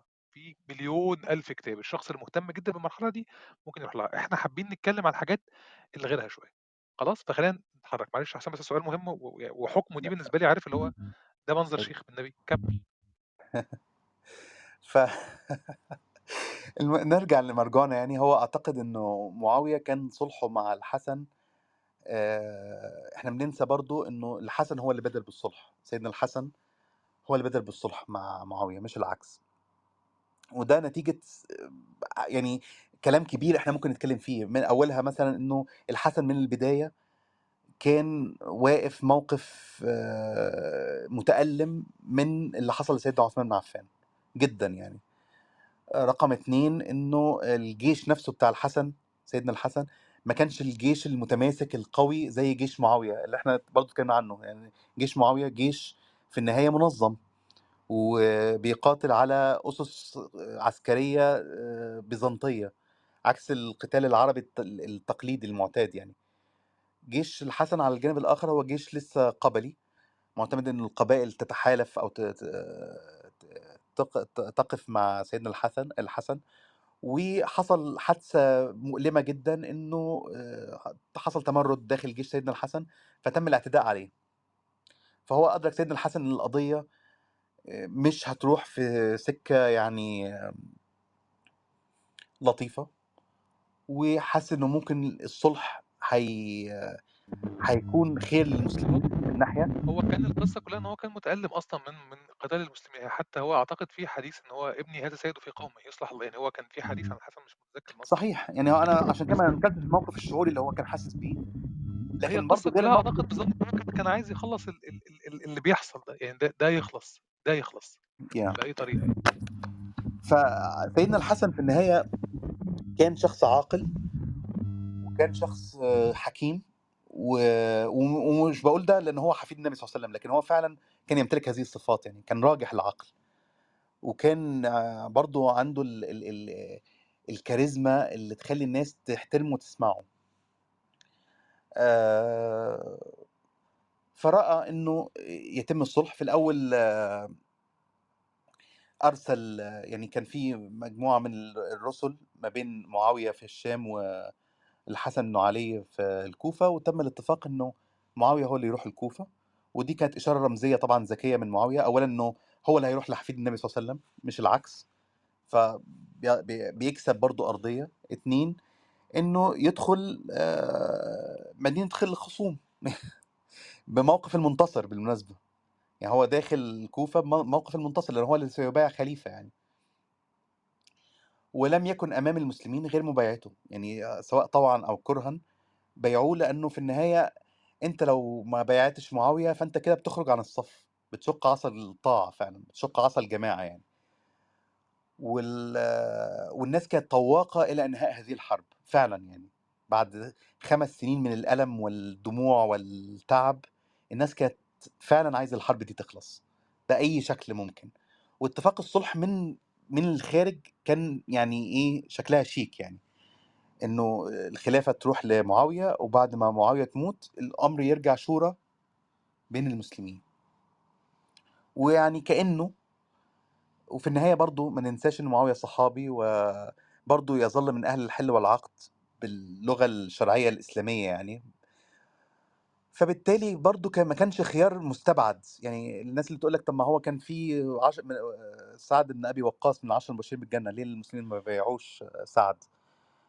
ال الظروف التاريخية هي اللي بتحتّم أحيانًا أو هي اللي بتصنع أحيانًا ال الشخصيات مش العكس. يعني معاوية هو ال ال ال الظروف التاريخية هي اللي حطّته في الموقف ده. وهو سعى ليها برضه، يعني يعني هو حطّته في إن هو يعني هو ما كانش في يعني اللي أنا بارُد بس على نقطة إنه كان إن اللي حصل ده كلّه مؤامرة عشان يوصل للخلافة، أعتقد لأ الموضوع مش كده، الموضوع أعقد من كده. الموضوع فعلًا بدأ ب زي ما أنت قُلت إنه عايز قطعة عثمان يتسلموا له، وانتهى بمشهد ال ال الجبار بتاع إنه كل المسلمين بيبايعوه في الكوفة، اللي هي مدينة الخصم. وبياخد موقف المنتصر أو موقف الفاتح، حتى لو كان هو متواضع يعني حتى لو ارتدى رداء التواضع يعني.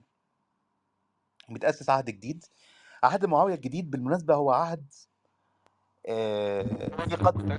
هو ده أصلًا ده ده السبب إن إحنا نفتح room، ده أنا عايز أتكلم على دولة، دولة نعم؟ دولة عايز معاوية. على الدولة، دولة أيوه. لإن هي دي دولة، هي كانت دولة. هو أيوه. اتبع 4 سياسات هي دي اللي أعتقد كانت أهم السياسات اللي اتبعها معاوية. أيوه. مضبوط؟ إيه بقى السياسات دي وهو عمل الدولة يعني هو إيه الفرق بين ال الخلافة اللي كانت موجودة وبين دولة معاوية؟ أعتقد هو ده اللي يمكن م ده اللي إحنا محتاجين نركّز فيه شوية. ده حقيقي، ده حقيقي. آمم مع يعني نقدر نقول بشكل واضح إنه يعني نقدر نقسّم خلّينا نقول دولة معاوية إلى مراحل تمام، لإن هي برضه طويلة، هي 20 سَنة برضه مش مش مهلة هي أنا طبعًا 20 سَنة بالنسبة لنا عشان إحنا متعوّدين على الحكم بتاع 20 و30 سَنة ده ف فشايفين إن 20 سَنة ده عادي، لكن هو 20 سَنة ب وقتها كانت مدة طويلة يعني. ده أطول خليفة من بعد وفاة النبي صلى الله عليه وسلم يحكم بالمناسبة، ما فيش ولا واحد من الخلفاء ال4 حكم 20 سَنة. فنقدر نقسّم ال20 سَنة دي لمراحل. أعتقد عنوان المرحلة الأولى في في عصر معاوية أو في دولة معاوية هو التسامح. إنه أنا متسامح مع كل الناس وما فيش عداء بيني وبين أي حد شارك في في جيش علي أو حاربني، وأي حد حاربني في صفين أنا مسامحه. وبالمناسبة في الفترة دي ما كانش في سَب لسيدنا علي على المنابر ولا حاجة. وكان حريص على فتح صفحة جديدة خلّينا نقول يعني. وفيها الصفحة الجديدة دي تقدير للخصوم، من منطلق إن هم صحابة، من منطلق إن هم برضه من آل البيت، يعني كان الح الحادثة المشهورة طبعًا عنه إنه كل ما يشوف حد من آل البيت كل ما يشوف الحسين أو الحسن بيأمر بعطاء قدره 300.000 درهم ليه، إكرامًا ليهم يعني. وحرصًا على آآ إبداء إنه ما فيش أي نوع من أنواع الحساسية أو النزاع بينه وبين آل البيت. فعنوان المرحلة دي كان التسامح، وهي برضه مرحلة ما استمرتش مدة طويلة.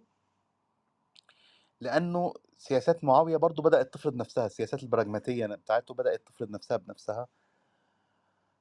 والسياسات البراجماتية دي أعتقد هي في النهاية محاولة تحويل رؤية معاوية اللي أسس ليها في الشام، اللي هو إنه يحوّل آآ ال الدولة الإسلامية الناشئة إلى إمبراطورية حقيقية.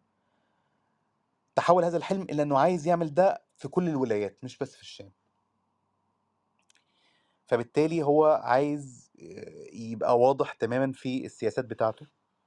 الخراج اللي بيطلع من الولايات دي عامل إزاي، آآ تأسيس الجيوش في الولايات دي هيبقى عامل برضه إلغاء آآ دي نقطة برضه الناس مش بتلتفت إليها، اللي هو إلغاء الشكل التقليدي من الجهاد اللي كان قائم قبله. ده كان برضه من ناس كتيرة كانت في العصر ده مستاءة من النقطة دي. لأنه الجهاد في وقت قب قبله كان بياخد شكل من نوع من أنواع اللي هو إن القبائل بت بتدفع بأبنائها، ثم بيتم تقسيم الغنائم وفق ال القاعدة الشرعية المعروفة. فالموضوع ده بدأ يتغيّر في عهد معاوية، فالناس بدأت تستاء، لكن هو في نفس الوقت بدأ يدّي عطاء كبير للجنود. يعني بدأ يعني يحوّل القبائل إلى جنود، وده شيء برضه مهم في فهم شخصية معاوية يعني. يعني معاوية كان موضوعه أكبر من فكرة قريش والصراع على الحكم وبتاع، لأن هو تجاوز ده. هو دلوقتي عايز يأسس دولة. آآ تأسيس طبعًا بيت الخراج بشكل واضح. آآ تحديده للعطاءات، زمان كان أهل المدي أهل المدينة كان ليهم عطاء ثابت، كل واحد مسلم في المدينة المنوّرة كان بياخد مبلغ مالي سنوي مستحق. آآ بحكم بقى أفضليته، يعني المهاجرين مثلًا بياخدوا فلوس أو آآ آآ أكتر مثلًا من الطلقاء، وال ال اللي شاركوا في غزوة بدر بياخدوا فلوس أكتر من اللي شاركوا مثلًا في غزوة خيبر بس. وآل البيت بياخدوا فلوس أكتر من الباقي وهكذا يعني. كان في تقسيم معيّن للعطاء. هو لغى العطاءات معاوية، واستبدلها بنوع من أنواع اللي هو ال نقدر نسميها الإكراميات يعني. إنه هو اللي بيحدد يدّي الفلوس لمين ويدّيها له إزاي، وبأنهي شكل. وده برضه خلق نوع من أنواع عدم الراحة أو التحسُّس يعني، من تغيُّر السياسة المالية اللي كان بيتبعها الخلفاء من قبله. ما أعرفش هل كلامي واضح والّا أنا محتاج أشرح أكتر في النقطة دي يعني؟ لا، لأ، كلامك واضح فيها، أنا بس محتاج إن أنا أعرف ال ال ال4 حاجات والسياسات اللي هو انتهجها، لأن أنت أنت اتكلمت عليه في ال20 سنة الأولانيين. أعتقد التفصيل فيه كخليفة هيبقى مهم جدًا، أو كزعيم دولة، أو كد يعني كحد بنى دولة. أعتقد الكلام فيه هنا هيبقى أفضل شوية. طيب هي السياسات ببساطة كالآتي أول سياسة آه، إنه آه، هيوسع دايرة المستشارين والمقربين اللي هم آه، أصحاب الكفاءة بغض النظر عن ديانتهم تمام هيتوسع في ده بشكل كبير جدا وبالمناسبة إحنا دايما لما بنتكلم عن عصر الحكمة العربي دايما بنتكلم عن عصر الحكمة العربي اللي هي آه، عصر المأمون وعصر هارون الرشيد وبيت الحكمة في بغداد. لكن إحنا بننسى إن كان في عصر ترجمة سابق اللي هو عصر معاوية نفسه. كان حريص فيه إنه يبدأ حركة ترجمة وتدوين كبيرة في دمشق ما استمرتش لأنه هي دولته انهارت. يعني دولته ما كملتش. يعني لما نقول إنه إنه مروان بن الحكم و- والمروانيين عموما تولوا خلافة البيت الأموي فده مش معناه استمرار دولة معاوية دولة معاوية كانت منفصلة عنهم بالمناسبة يعني سياستها كان مختلفة عن عنده ترجمة إيه؟ أنا أنا أنا على فكرة أول مرة أسمع برضه موضوع الترجمة، الترجمة كان إيه إيه الحاجات اللي في عنده ترجمات حصلت في عهد معاوية؟ بدأ بشكل أساسي هو كان عن حريص جدا إنه آه، الكتب السريانية الموجودة في في الأديرة تمام؟ المتخصصة في علوم النجوم والطب وال والأدوية والأعشاب يتم ترجمتها والتاريخ الأمم القديم تمام؟ ومنع ترجمة الكتب الدينية. بالإضافة لذلك بدأ ترجمة الكتب البيزنطية أو اليونانية من اليونانية القديمة إلى العربية وحاول إن هو ي... يعني زي ما زي أي حاكم برضو براجماتي عايز يستفيد من العلوم المادية يعني عايز يطور الطب في في ال- الدولة بتاعته عايز يطور أسس الحسابات أو الرياضيات في, الط... في أو ال- أو الماليات خلينا نقول يعني عايز يطور أسس الجندية أو العسكرية. فهو ما قداموش آه، خيارات كبيرة يعني في النهاية ال... ال... ال... ال... الكتب الفارسية بشكل ما أو العلوم الفارسية بشكل ما ما كانش إيده طايلاها. آه، وهو طول الوقت عنده تشكك من الفرس وعنده نظرة سلبية ناحية الفرس. فبالتالي هو كان اتجاهه للبيزنطيين والروم تحديدا حتى بحكم الاحتكاك المباشر يعني. زي ما قلت لك هو بعد الفتح الإسلامي للشام فضلت طائفة كبيرة جدا من الروم موجودين لأن هو ببساطة أعطاهم مرتبات كويسة تخليهم يقعدوا. في المقابل إن هم يفيدوا حرفهم بالحرف بتاعتهم الدولة الإسلامية الوليدة ده مهم جدا إن إحنا نتأمله هو لأنه إحنا دورت عشان خاطر دورت على موضوع الكتب والترجمة لقيت إن هو كان موجود في في كتاب كان فيه هدية جات له من ملك الصين وكان كتاب اترجم في عهده واتقال حتى أعتقد أنا بدور على المصدر أهو أنا لقيت له مصدر في آه، أعتقد مكتوب عنه في أسد الغابة في معرفة الصحابة اتنين على أسد الغابة موجود أسد الغابة السلام عليك السلام معلش يا دكتور أسد الغابة وفي كتاب تاني بس أنا أنا عايز أعرف في اسم كتاب مشهور في كتاب مشهور ت- تفتكره اترجم في عهده؟ للأسف لأ مش ما- يعني حتى ال ال مفيش ببلوجرافيا واضحة لده لسبب بسيط إنه ال- ال- المكتبة اللي أسسها أو ال أو ال- الدار اللي أسسها اتحرقت يعني. اتحرقت في ال- في الخلاف اللي حصل آه، أيام مروان بن الحكم مع مع ال- لا أنا آسف. فتح اللي هم ال ال ال ال فكرني مين اللي هو الشخص اللي ثار على لث- لغضب مقتل الحسين.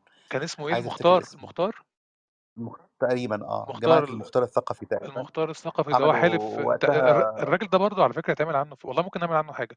المختار ده أنت عارف إن هو أنا بسمي الفتنة الثانية في رأيي هي الأكثر درامية من الفتنة الأولى بالمناسبة يعني الفتنة المختار الثانية الثقفي بيتقال إن هو كان قاعد في السجن وحلف وهو في السجن إن هو هيطلع يقتل كل يعني بص كده تحس إن في في أجواء ومزيكا وينفع أنت عارف تخش كده في التوب يعني فاهم في ال to black وهو أيوه. قاعد في الس... يعني في حواديت في هي هي حدوته ك- في كل حدوتة كاملة. الشخصيات كل الشخصيات في الفتنة الثانية كانت شخصيات درامية مختار الثقفي عبد الملك بن مروان الحجاج نفسه بالمناسبة شخصية درامية جدا. آه، يعني عبد الله بن الزبير طبعا دي شخصية درامية واسعة نقدر نتكلم فيها. لكن الحديث عن خلينا الفتنه نتكلم الثانية بس يعني خلينا لكن حاجة لطيفة كده. بصوا يا جماعة إحنا ما لا بندي محاضرة دي لا محاضرة ولا مثلا حاجة أكاديمية لطيفة إحنا بندردش مع بعض في حاجات ليها علاقة بالذاكرة. الشخص اللي متضايق من ده وعنده طرح تاني أنا هحب أسمعه. الشخص اللي شايف إن الحدوتة سخيفة ممكن يسيب الروم، الشخص اللي متضايق من إن إحنا مثلًا ما بنتكلمش بشكل م أكاديمي، في ناس بيقدّموا ده هنا والله، في ناس بتقدّم الطرح الأكاديمي طول الوقت، إحنا بندردش، أنا والراجل الطيب ده بنقعد على القهوة نقعد نتكلم بالساعات، فإحنا قُلنا بدل ما نقعد نتكلم على القهوة نقعد نتكلم هنا، اللي اللي محتاج مادة علمية إحنا هننزّل المصادر اللي إحنا اتكلمنا فيها، هتنزل على قناة التليجرام، اللي حابب يقرا ال الطرح كله بشكل كامل في أبحاث وحاجات موجودة في القصة، لكن دي دردشة، يعني هي أكتر منها ممكن تقول إن هي دردشة، إن هي حاجات عشان كده إحنا بنصلّح لبعض وبنتكلم، فإذا كان في حد يسوءه ده، إحنا بنتأسف له. كمّل يا عم حسام، قُل لي. آه، أنت عشان أنت بتشوف ال الناس اللي بتكتب تعليقات، أنا ما باشوفش ال التعليقات يعني. طيب لا، لا، أنا ما مش موضوع التعليقات، لأ، أنا بس عشان خاطر كنت باطلب الراجل للقهوة وبتاع فاتأخر، أنت عارف الحساب بييجي في الآخر اهم. يخنصر وحاجات كده سخيفة. لأ، هو هو عمومًا يعني يعني للأسف الشديد ال ال ال ال التأمُّل ثانية تاريخ واحدة عشان في حد صديق ليّا هو نجّار مراكب من دمياط بيتضايق، ولو حد شتم في ال chat هاطيّره، في صديق ليّا هو نجّار مراكب وهو أنت قابلت قبل كده حد معتزلي؟ ل ل أنا فاكرهم انقرضوا، ما أعرفش إن هُم لسه موجودين. لا، لأ، موجود هنا على Clubhouse حد معتزل بس هو ما بيقولش، إحنا مخبيينه هنا ما بنطلّعوش برّه فهتلاقيه المعتزل الأخير يعني. هو last معتزلي آه. آآ طيب. إحنا هنا أنا اتكلمنا على على السنين بتاعته، اتفضل. آه، آه، أنا يعني في النهاية إحنا لمّا بن بي بيتم ذكر معاوية بيتم دايمًا ذكر حوادث معيّنة، زي إن هو مثلًا استلحاق زياد ابن أبيه بنسبه، لأنه نسب زياد إلى أبي سفيان مثلًا، بنتك بيتكلموا مثلًا عن توليته ليزيد الحكم، وده برضه إشكالية ضخمة جدًا. بيتكلموا عن فتوحاته وانتصاراته ومعاركه العسكرية، بس بيغفلوا برضه تاني الجانب الإداري والمالي والعسكري في تأسيسه للإمبراطورية الجديدة. إحنا عايز أقول لك على حاجة بسيطة جدًا، يعني بشكل بسيط ومتواضع جدًا. قبة الصخرة اللي هي أسسها الوليد أو بُنيت في عهد بدأت بدأ المشروع أظن في عهد عبد الملك لو أنا خانتنيش الذاكرة، وتم الانتهاء منه في عهد الوليد. طيب بناء ضخم بهذا بهذا ال أو معمار هندسي ضخم بهذا التعقيد، وقبة تزن مئات الأطنان. ومعمار لو أنت تشوفه احتاج مئات المعماريين عشان يأسسوه. طيب هل ها حاجة زي كده كانت هتتم على إيد إمبراطورية آآ أفرادها كانوا من 100 سنة بس مش عارفين يعني يبنوا ربع تعقيد هذا البناء؟ العرب ما كانوش معروفين بالأبنية المعقدة، ما فيش أي بناء معقد العرب بنوه في حياتهم. آآ لأ باتكلم على العرب ال قريش يعني، باتكلم على ال ال ال مش باتكلم طبعًا ال اللي ممكن الناس تقول لي البتراء ومش بتاع، لأ باتكلم على العرب اللي هم القرشيين والنجديين والحجازيين. ما فيش بأبنية معقدة بُنيت بتعقيد قبة الصخرة. طيب ال ال ال النقلة الحضارية اللي حصلت دي، أنا باكلمك عن المعمار بس لأن المعمار هو اللي اللي فضل معانا. ما كلمتك ما باكلمكش عن الجوانب التانية، الجوانب التانية ممكن تكون انقرضت، ممكن تكون ان انتهت أو فنت. فالمعمار ال المعقد ده، ده دليل إيه؟ ده دليل أولًا إن الإمبراطورية دي كانت منفتحة فعلًا على الأجانب قبل وجودهم، وحريصة على تقبُّل الخبرات المختلفة، والتعاون ما بين الخبرات المختلفة. هو كان معاوية طول الوقت عنده حرص إن إمبراطوريته دي تبقى خطوط التجارة فيها مفتوحة، خطوط التجارة فيها واضحة، وم ما فيش معيق لهذه التجارة يعني. وبالتالي فعلًا بدأ يعتمد على الخطوط التجارية القديمة اللي كانت موجودة، سواء في بلاد فارس أو في في الشام، ويبدأ يغيّرها أو يبدأ يطوّرها، يخلق استراحات، خانات، آآ يطوّر أنظم أنظمة الترع والأقنية والحاجات دي عشان يوصّل ال والنواعير، عشان يوصّل المَيّة لأكبر عدد من السكان. في نفس الوقت كان مه مهموم فعلًا بإزاي هيجمّع ال الخراج بشكل منتظم ومنضبط، والضرايب، وإيه الداخل الميزانية بتاعته، وإيه اللي خارج من الميزانية بتاعته. ده مش ما كانش حاجة سهلة. عايز تقول حاجة يا محمد؟ لا يا معلم ما فيش، كمّل. طيب، فالخطوط التجارية دي آآ دي واحدة برضه من المنجزات اللي كان معاوية أسِّس لها يعني. وفي نفس الوقت عنده ال ال ال الشاغل الأساسي بالنسبة له هو تحقيق الانتصار الأعظم اللي هو عايش عمره كله يعني ل بلغة السينما يعني، يح ياخد القسطنطينية، القسطنطينية هي الحلم، هي الهو holy grail بالنسبة له يعني.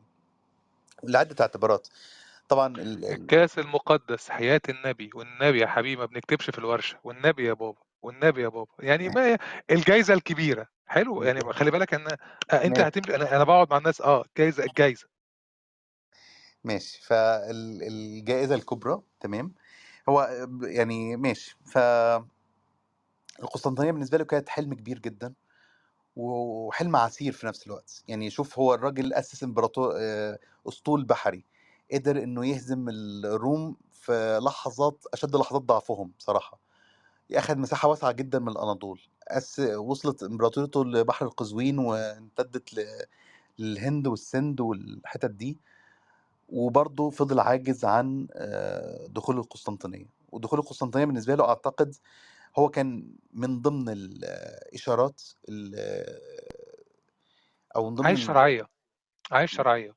هو طول الوقت راجل باحث عن الشرعية طبعًا، رغم إن هو شرعيته يعني مؤسسة بالفعل، يعني هي شرعيته مؤسسة شرعية الصلح دي 1 إن كل الصحابة بايعوه دي 2 آآ رقم 3 إن هو فعلًا آآ صاحب إصلاحات زي ما كنا بنتكلم، إصلاحات آآ أو منجزات حضارية لا يمكن إنكارها، لكن في نفس الوقت هتلاقيه برضه بيروح للبروباجندا الدعائية الضيقة، يعني يعني برضه تحس إن في حاجة ما محسّاه إن الش إن الشرعية دي ناقصاه، زي مثلًا يقول لك أنا خالي المؤمنين.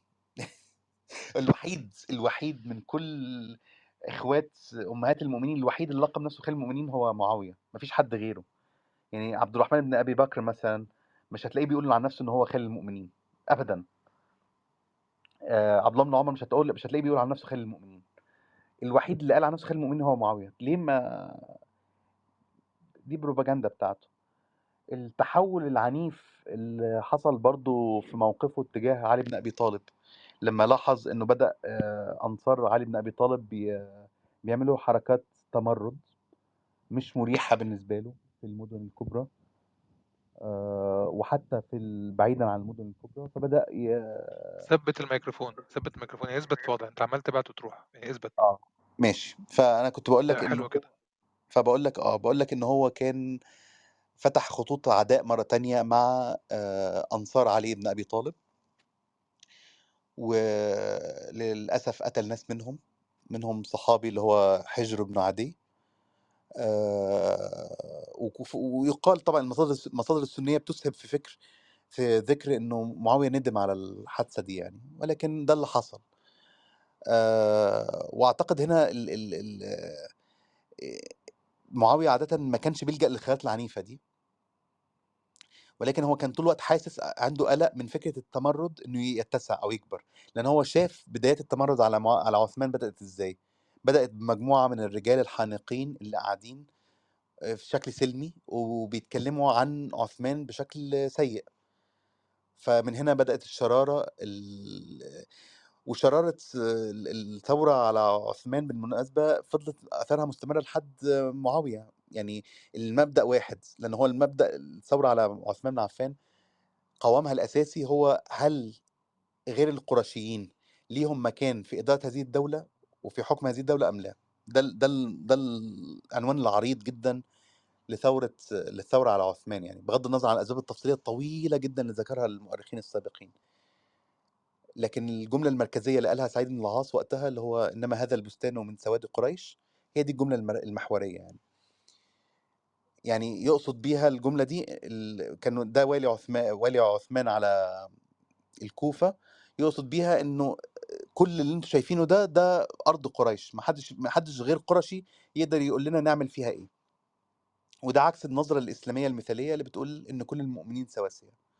هي فعلًا دي الشرارة أو الت أو ال أو الصراع أو التأجيج اللي فضل في أو ال اللي بسببه ثار الهامش على المركز. فمعاوية طول الوقت فضل خايف من ده، خايف إن ده يتكرر في عهده مرة تانية، فبالتالي كان حريص أشد الحرص على القضاء على أي مظهر للتمرُّد ضده، رغم إن هو حليم جدًا في مواقف تانية، بس حليم مع مين بقى؟ حليم مع الشخصيات اللي هي آسف في اللفظ معمول لها حساب، يعني عمره ما هتلاقيه مثلًا يتعرّض لحد من آل البيت، عمره ما هتلاقيه يتعرّض لحد من الصحابة، عمرك ما هتلاقيه يتعرّض لحد حتى من كبار قومه أو من سادات قومه يعني. زي الأشعث بن قيس أو الأحنف بن قيس. هتلاقيه دولة، لكن دولة. د دولة بالضبط، هتلاقيه دولة. بيأسس طيب آآ خلّيني بس خلّيني خلّيني أقول حاجة حاجة كده أساسية عشان خاطر ده برضه هيتشال في المونتاج بتاع الحلقة. يا جماعة الناس لمّا بتيجي تعمل مسلسل عن شخصية تاريخية أو بتعمل حاجة زي اللي أنتم بتشوفوها كده، اللي إحنا بنعمله هو بحث طويل جدًا، جدًا، جدًا، جدًا، جدًا، مش بحث ديني. يعني البحث ده في ناس بييجي من يعني في ناس بتيجي مشايخ كده في حاجات بتخلّيهم تبُص إذا كان ده حقيقي والّا لأ، لكن الزوايا اللي إحنا بنناقشها دي اللي هي الشخصية دي، مين ده؟ مين البني آدم ده؟ أنت طول الوقت بتكره معاوية أو بتحبه أو شايفه كويس أو أصل هو من كذا، اللي إحنا بنتكلم فيه ده هو البني آدم اللي أنت ما تعرفوش، أنت ما تعرفش حاجات عن عن تاريخه، هو إزاي بقى كده، هو ليه بيكره المكان ده، هو بيحب المكان ده ليه، علاقته بأمه علاقة مركبة جدًا، أمه نفسها شخصية مركبة جدًا، جدًا، علاقته بأخوه، العلاقات دي مهمة في تكوين الشخصية، إزاي الشخصية دي اتبنت، إزاي الشخص ده بقى موجود بالطريقة دي. اتفضل يا دكتور. حلو دكتور دكتور. لأ مش أنا أنا يعني د كلامك برضه عن عيلته ع نقلني آآ للكلام عن آآ الجانب الاجتماعي والشخصي في حياته اللي هو برضه م يتم إغفاله. في ناس كتيرة ما تعرفش بالمناسبة إن هو تزوّج أول زو زوجة ليه في الغالب هي طليقة عمر بن الخطاب. ف يعني اسمها قريبة الصغرى، فتخيّل واحدة تزوّجت عمر بن الخطاب وتزوّجت معاوية بن أبي سفيان. بكل ال التناقض والتعقيد اللي ما بين شخصياتهم الاتنين يعني. آآ والقريبة الصغرى دي ليها حكاية لطيفة جدًا برضه الناس ما كتيرة ما مش مش ما مش مستوعباها يعني، إنه كان آآ هجرة المسلمين من مكة إلى المدينة ما كانش بالضرورة إن كل اللي بيهاجروا مسلمين، كان ممكن ال الم المهاجر يبقى مسلم بس زوجاته مشركات فيه فيهاجروا معاه، بهذه البساطة يعني. فمن ضمن اللي هاجروا مع عمر الخطاب كانت زو زوجته مشركة اللي هي القريبة الصغرى. وزوجة تانية مشركة برضه، وبعد كده وهُم في المدينة قاعدين معاه، نزلت الآية الكريمة اللي بتحرّم زواج ال المؤمن من مشركة، وإن إذا حد مؤمن متزوج مشركة لازم يطلّقها. فهو عمر الخطاب خيّرهم بين الإسلام أو الطلاق، اختاروا الطلاق ورجعوا تاني إلى الم المد ال إلى مكة. فلمّا رجعت القريبة الصغرى إلى مكة، أعتقد رغم إن هي يعني فرق السِن بينها وبين معاوية كان كبير، هي أكبر منه، لكن أعتقد يمكن لأسباب مختلفة، دعنا لا أنجبت نتطرق 3 بنات، أنجبت 3 بنات صحيح، اللي هم أنجبت تقريبًا أم الحكيم وأم سعيد وأم حبيب تقريبًا. صحيح، نعم. ف واتجوزت بعد كده عبد الرحمن بن أبي بكر. نعم، حصل. صحيح.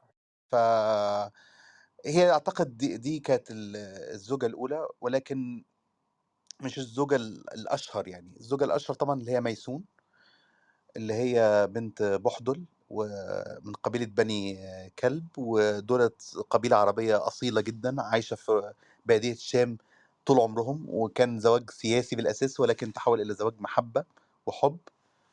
وأنجبت له ابنه يزيد. بالمناسبة كُنية معاوية بن أبي سفيان هو أبو عبد الرحمن، مش أبو يزيد. لكن عبد الرحمن مات وهو صغير.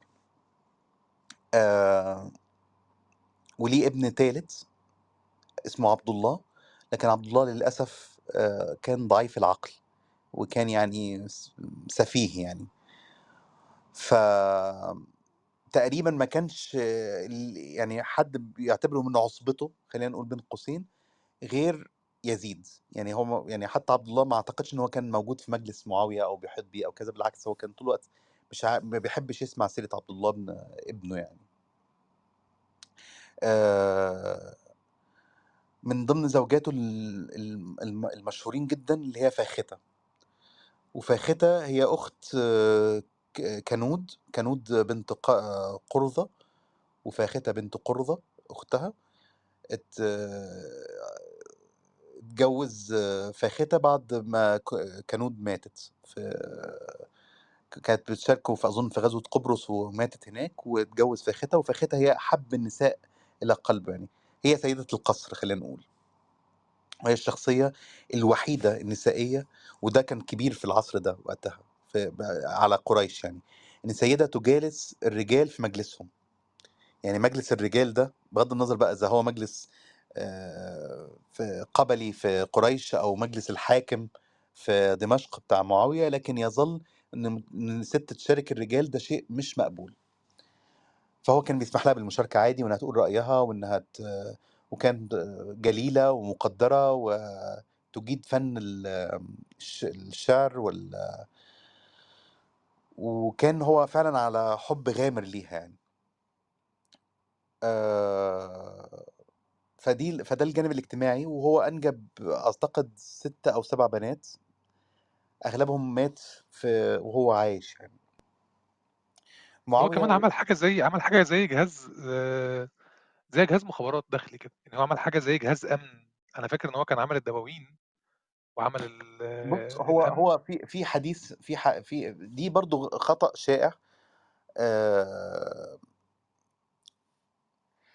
آه، أو لأ مش خطأ شائع هو فعلا ده حقيقة. هو يعني فعلا بدأ ي- يأسس ل- لعيون ليه تمام؟ لكن في حديث هو نفسه رواه عن النبي صلى الله عليه وسلم. الحديث ده موجود تقدروا ترجعوا له اللي هو إنه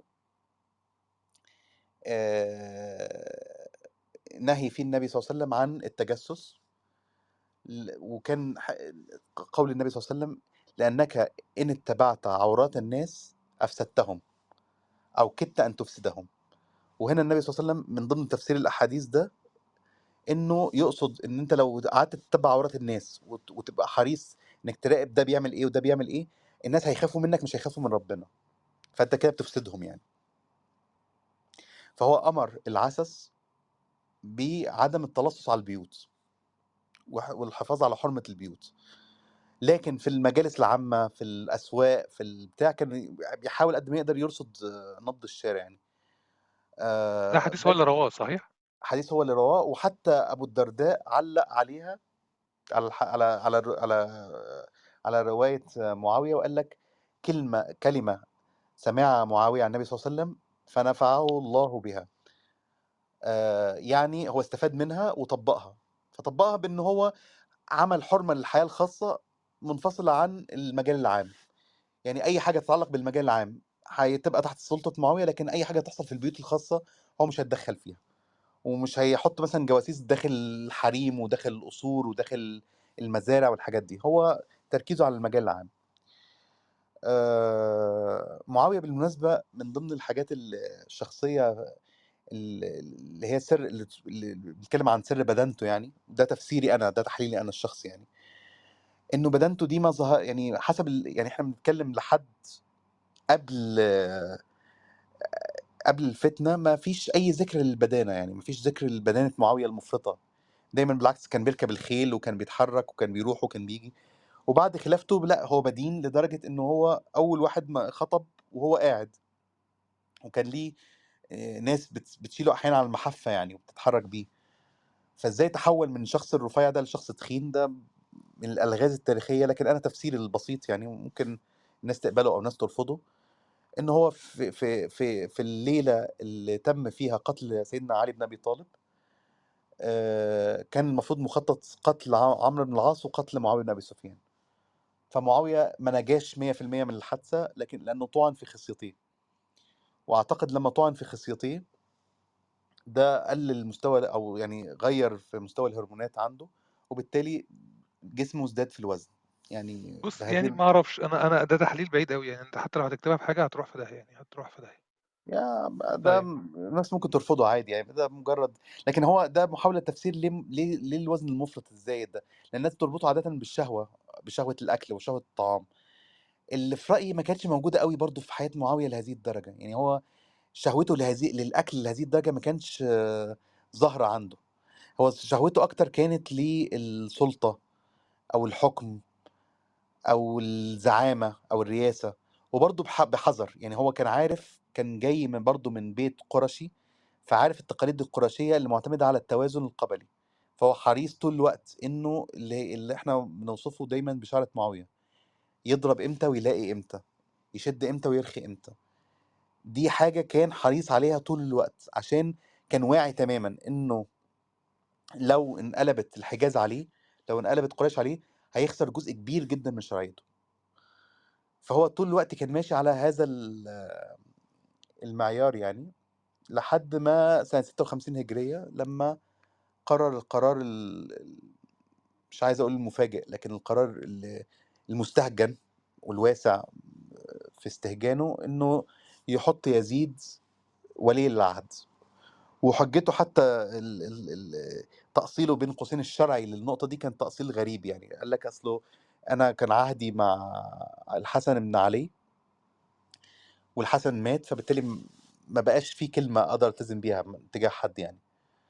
فأنا من أنا حر يعني أحط ولي العهد زي ما أنا عايز يعني. أحط يعني مش أبو بكر استخلف عمر أنا بستخلف يزيد بهذه البساطة يعني. وما استتبع ذلك طبعا من يعني يعني مشاكل حقيقية حصلت له. مشاكل أقصد يعني في التوترات عميقة جدا حصلت في المدينة المنورة في الوقت ده.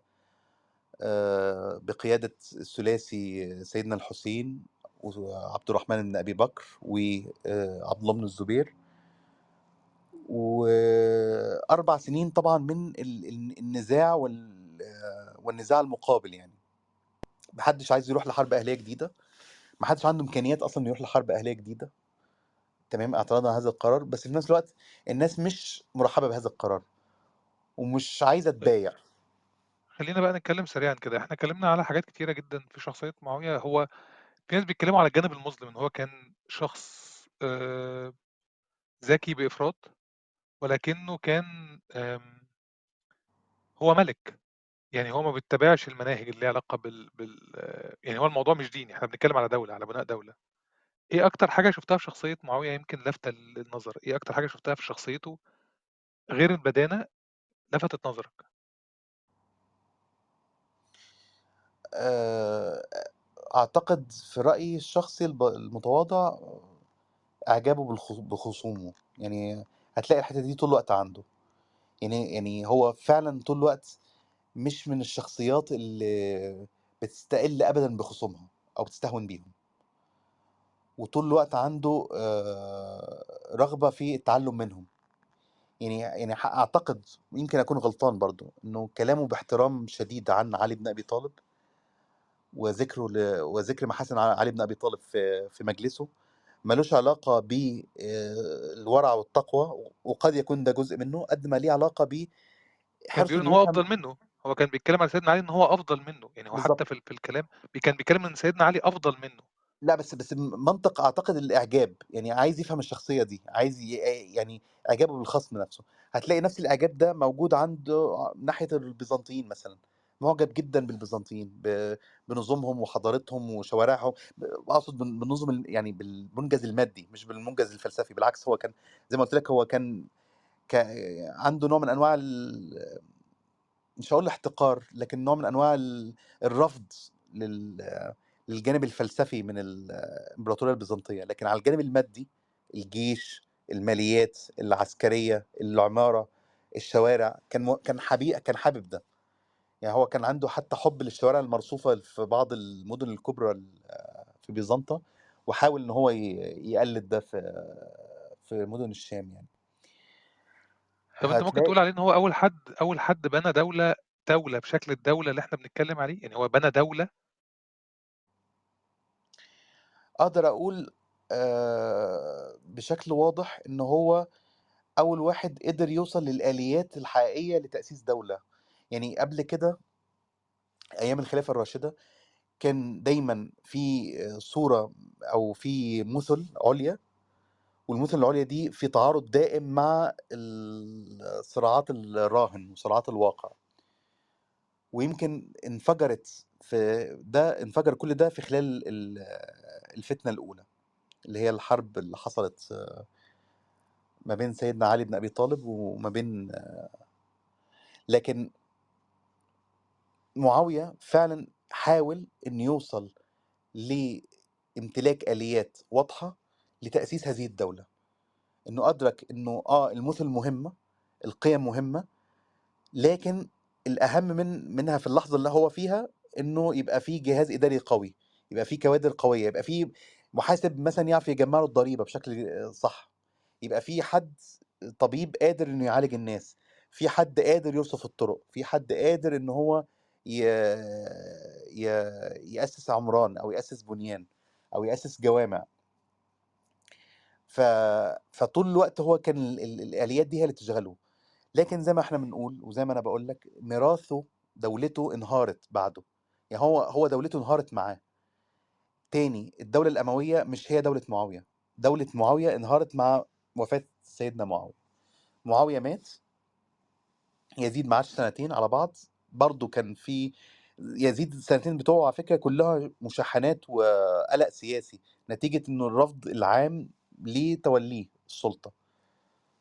ومات في ظروف غامضة يزيد آه، راح الحكم بشكل برضه شديد الغرابة والتعقيد بإنه مثلا ابن يزيد تنازل اللي هو معاوية الثاني تنازل على الحكم فرا- فراح الحكم في النهاية لمروان الحكم اللي برضو قضى سنتين ثلاثة في أو أكتر شوية آسف في في نزاع برضو أهلي مستمر لا يكاد ينتهي. ثم طبعا ال- المأساة الكبرى بقى اللي هي الفتنة التانية اللي بدأت أو توسعت في عهد عبد الملك بن مروان وبعدها عصر جديد ورجال جدد يعني. فانتقل فانتقل حتى الحكم من اللي بيسموه الفرع السفياني للفرع المرواني. يعني هو معاوية رغم كل رغم حرصه إنه يأسس دولة وراثية لكنه ما نجحش في توريثها في الواقع الأمر. فأنا ما أعرفش هو ده يعتبر نجاح ولا فشل. ماشي.